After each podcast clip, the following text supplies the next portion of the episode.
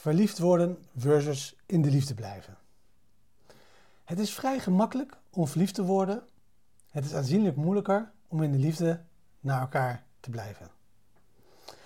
Boek De zeven beginselen om het huwelijk te laten slagen van John M. Goodman en Nan Silver. Het is vrij gemakkelijk om verliefd te worden. Het is aanzienlijk moeilijker om in de liefde naar elkaar te blijven. En het simpelweg niet zien van het verschil tussen die twee is een behoorlijk groot probleem. Anders val je misschien in de val. Dat je denkt dat elk klein probleempje in een relatie een teken is dat er iets niet goed is aan de relatie. Die gefixeerde oriëntatie die op de relaties wordt toegepast is super giftig. Het is veel gezonder om het naïeve optimisme te laten varen. En er een goede mindset op te zetten. Om te weten dat alle relaties met hun onvermijdelijke ups en downs worden geconfronteerd.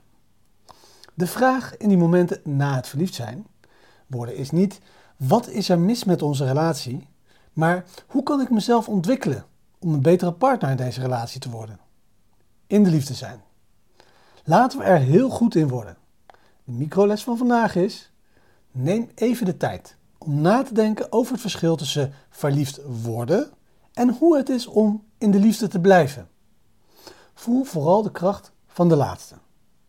En wat kan je vandaag doen om in de liefde naar de ander een beter persoon te worden?